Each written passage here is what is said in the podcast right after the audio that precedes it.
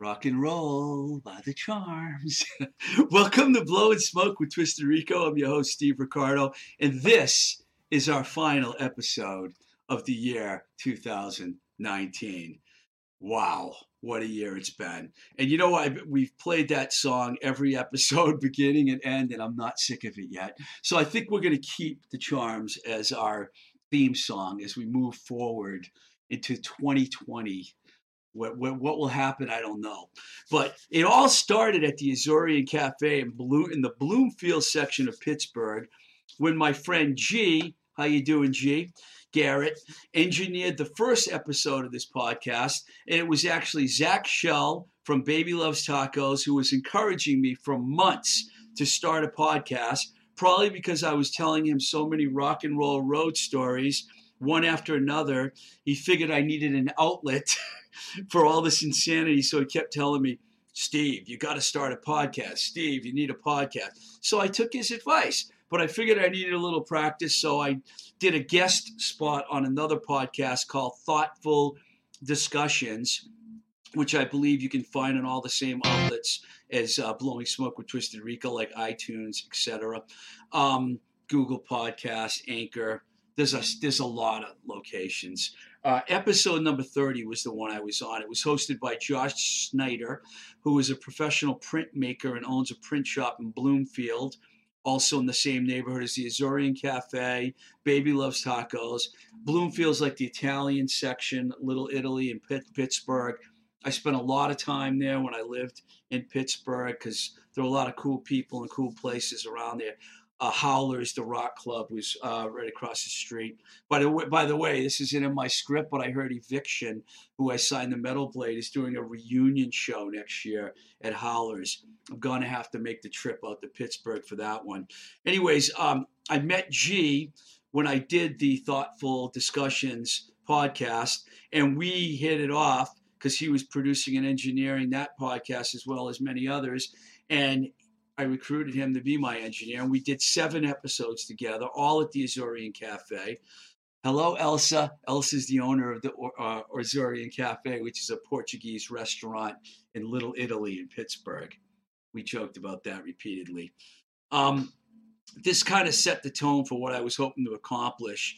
Um, then I unexpectedly had to relocate to Boston to uh, New England from Pittsburgh.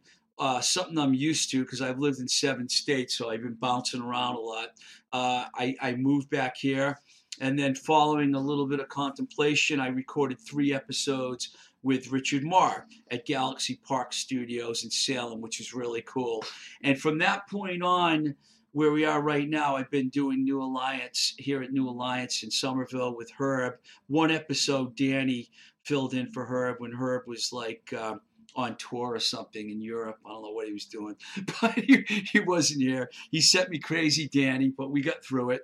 And uh, I'll tell you, even though it's a work in progress, I'm damn proud of what we've accomplished as far as our listening audience goes and where we're headed um, two, two, 2020 is going to be a lot of fun, and we couldn't be more excited. In fact, we have a we have some new features that I'm going to implement into the show. One I'm going to call buried treasures, or maybe hidden treasures, buried treasures, uh, in which will feature a song you may not have heard of.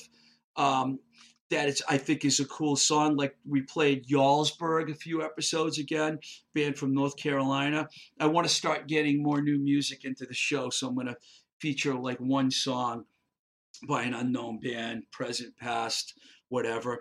And um, so I decided to do this. Uh, I think we're going to do it right now, Herb, and we're going to like actually do a song here uh, from from the segment Buried Treasures. This track is from the Worcester, Mass based band Little Big Wheel, which came really close to busting out but never quite got over the hump.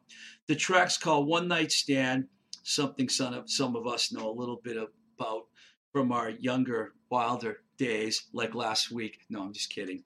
Uh, my one night stand days are, are behind me. Although I'm not saying I wouldn't welcome a one night stand if, if the right one came along, but it's not likely. getting goofy now.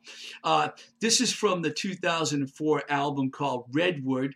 which was recorded by none other than David Minahan at Woolly Mammoth Studios.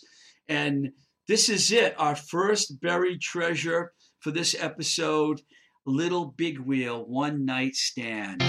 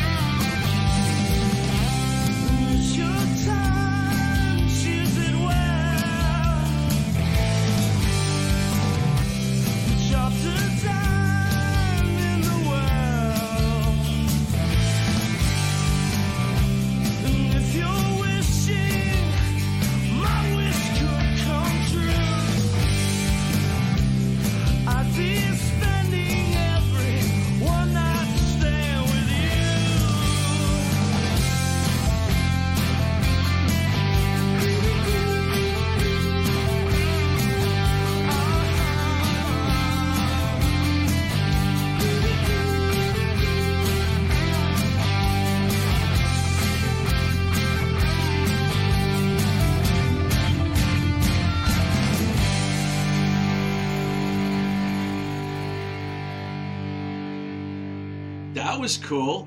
That's our buried treasure, number one, first one. We'll be doing this every week. Little Big Wheel, One Night Stand. Kind of like the replacements meets the Goo Goo Dolls, which is funny because the Goo Goo Dolls totally copied the replacements, and now Little Big Wheel, you know, copied the Goo Goo Dolls who copied the replacements. But I don't mean that in a negative way because there's a lot of bands that sound alike, and uh, that's a cool tune, and I want to get wanted to get that on. Um, Okay, so I have to talk about a couple other topics before here, before we end the year.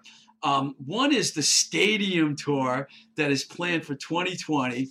Motley Crue, Def Leppard, Poison, and Joan Jett all together doing stadiums. It's like the 80s are back in town. Uh, uh, Herb's going to talk. The mighty Herb's going to join us because I know he's a big fan of concerts at Fenway Park. Absolutely not a big fan. That's where this show is going to be, Fenway Park. Now, I have to be, I don't have to be nice, but I'm going to be nice. But one of my friends, Debbie, uh, whoops, I wasn't going to say her name, but I did. A longtime industry friend of mine, when I asked her what she thought about this show, uh, this is how she responded, and I got her quote here. You ready? This is good. Vince Neil is a pig, and he needs to lose weight and relearn the words to all his songs before this tour starts because any and all of the other three bands are going to blow Motley Crue off the stage. Oh. That's a very kind thing that she said. But you know what? She's not the only one that has said that. A lot of people think Vince can't sing anymore, and he looks like well, you know, I'm not going to criticize someone for being overweight because that's just the way life is. But the fart, the part that the fart, the the part about him forgetting the words to the songs that that bugs me. Okay, uh, my first thoughts when I saw the lineup was Def Leppard and Joan Jett are gonna blow everyone off the stage. And I, and, you know, I love Poison. You know, I worked with Poison, and I saw them at least 15 times before we signed them, and then to Enigma. And then I saw them many other times the Madison Square Garden, Great Woods, wherever they played. Rikki was always nice enough to get me tickets, which means I have a chance to get tickets to the show at Fenway Park. So now I have a long line of people that can be like, Can I be your guest? Can I go? and uh, believe me, there'll be a lot of people that want to go to this show. But, um, every time I've seen Poison, they've been nothing less than incredible live. They put on a great show every night. So yes, the crew better be ready, and I'm hoping that. Uh, you know, I'll, I'll, pro- I'll, probably actually not even see the crew. After Def Leppard plays, I'll probably be hanging out on Rikki Rockett's tour bus. I'm going to tell you the truth because I'm not really interested in Motley Crue. But Def Leppard and Joan Jett, I've seen them both live. They're both great live. They put on great show. Def Leppard is a great band. Whether you like their music or not, they're a great band. Same thing with Joan Jett. I mean, I could listen to her play Crimson and Clover like 20 times in a row, or I love rock and roll. She's a rock star. She's awesome.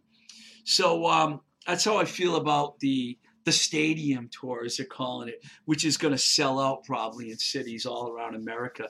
And I can't believe it's at Fenway Park in Boston. But if they can get 30,000 people there and everyone makes money, is happy, although they probably have these VIP packages, you know, $190 for a ticket and a chance to say hi to the band in a t shirt. Ouch. You know, it's ridiculous now, these VIP packages. I I'm never buying one. Matter of fact, I won't go to the show if I don't get tickets. Okay. If you're listening, Mr. Rockett, get ready for me to call you and ask you for a ticket. And you take my call, please, because I do want to see Poison and Joan Jett and Def Leppard. The crew, not so much. All right, what else we got here? My old friends, The Neighborhood, speaking of old friends, have released a new album. It's the follow up to their double live album that came out several years ago. This one's called Last Known Address and it's what you expect a high energy rock and roll record recorded by Minahan, Dave Minahan, at the Woolly Mammoth Studio. From what I hear, the CD, I don't know if it's on vinyl, I hope it is, but the CD's selling like crazy at Newbury Comics, not in Boston. So you know, you knew that was going to happen. I mean, they're a huge, they're probably one of the biggest. Boston bands. They're the next tier below Aerosmith, J. Geils, and the the Cars. Then you got the Hoods right there with Burma and, and some of those other bands. So it doesn't surprise me at all that um, that's doing well. I have listened to the CD. There's some pretty cool songs on there. Some of it's a little philosophical. You know, there's a song called Bygone Era. He's talking about being 17 years old in 1977. And then there's another tune where he's talking about how half his life is gone it's really philosophical for the neighborhoods, and it, it's a you know I'm happy they have a new record out. I got to spend more time with it. I just got the record a few days ago, so I need to listen to it more. But um, here's where I like say thank you to a lot of people for the first year. So I want to thank all our guests and supporters from our first year of existence. And yes, I have this list. Zach Shell from Baby Loves Tacos in Pittsburgh, G, Elsa at the Azorian Cafe, Richard Marr at Galaxy Park, everyone at New Alliance, especially Alvin and Herb, our engineer, uh, LEV, The Charms for letting me use their song uh, on every episode, so pretty, Mary the Fiscal Conservative. That's what I call my friend Mary, Mary the fiscal conservative, who has actually given me a lot of great advice on the podcast. A lot of it I've taken, some of it it's been a little hard for me to take it because they she wants me to change some things that I'm not sure I, I want to change, but I'm thinking about it. I consider everything. Our official blowing smoke with Twisted Rico model Nina. Check her check her coffee shop out in Pittsburgh. It's called Moonbeam Cafe. If you're in Pittsburgh, Nina's Nina's so awesome. Greg Allen, Chili Kurtz, Reverend Hank, Charles Rivers, Cactus, our favorite suicide girl who goes by Catnip Cutie. She posted a photo of herself wearing a blowing smoke with Twisted Rico shirt with hardly anything else on, and that was cool. Not that she hardly had anything else on, but that she posted the. I guess both things were cool, is what I'm trying to say. Um, okay, I lost my place here. Spencer James, Debbie Rogers, Heather Hopkins, Chad Cody, great photographer who I follow, excellent photographer. Lee Benson, Andy Pratt, Matt McLean, Kim Black, my sister Maria, who has to listen to all my shit on a regular basis on the telephone. I call her up and complain about everything. We mostly talk about how much we are not in favor of the current administration in the White House, which impeached. that was nice. Let's take it further. Sorry to all my Republican friends out there that are listening. Um, who else? Dave Spaz and JLS Design for everything they've done. Sue K from Webster and all the cool kids at Worcester State University uh, who have supported and listened to the podcast. King Curry in Oxford, which is currently helping me pay my bills. That's right, I'm working for a car service, driving people around. And uh, all the cool listeners out there that are listening and supporting the podcast on our Patreon, etc. It's been awesome. So, Happy New Year to everyone. Until next time we say goodbye, this is Blowing Smoke with Twisted Rico. I'm your host, Steve Ricardo, and uh, keep the rock and roll alive. Peace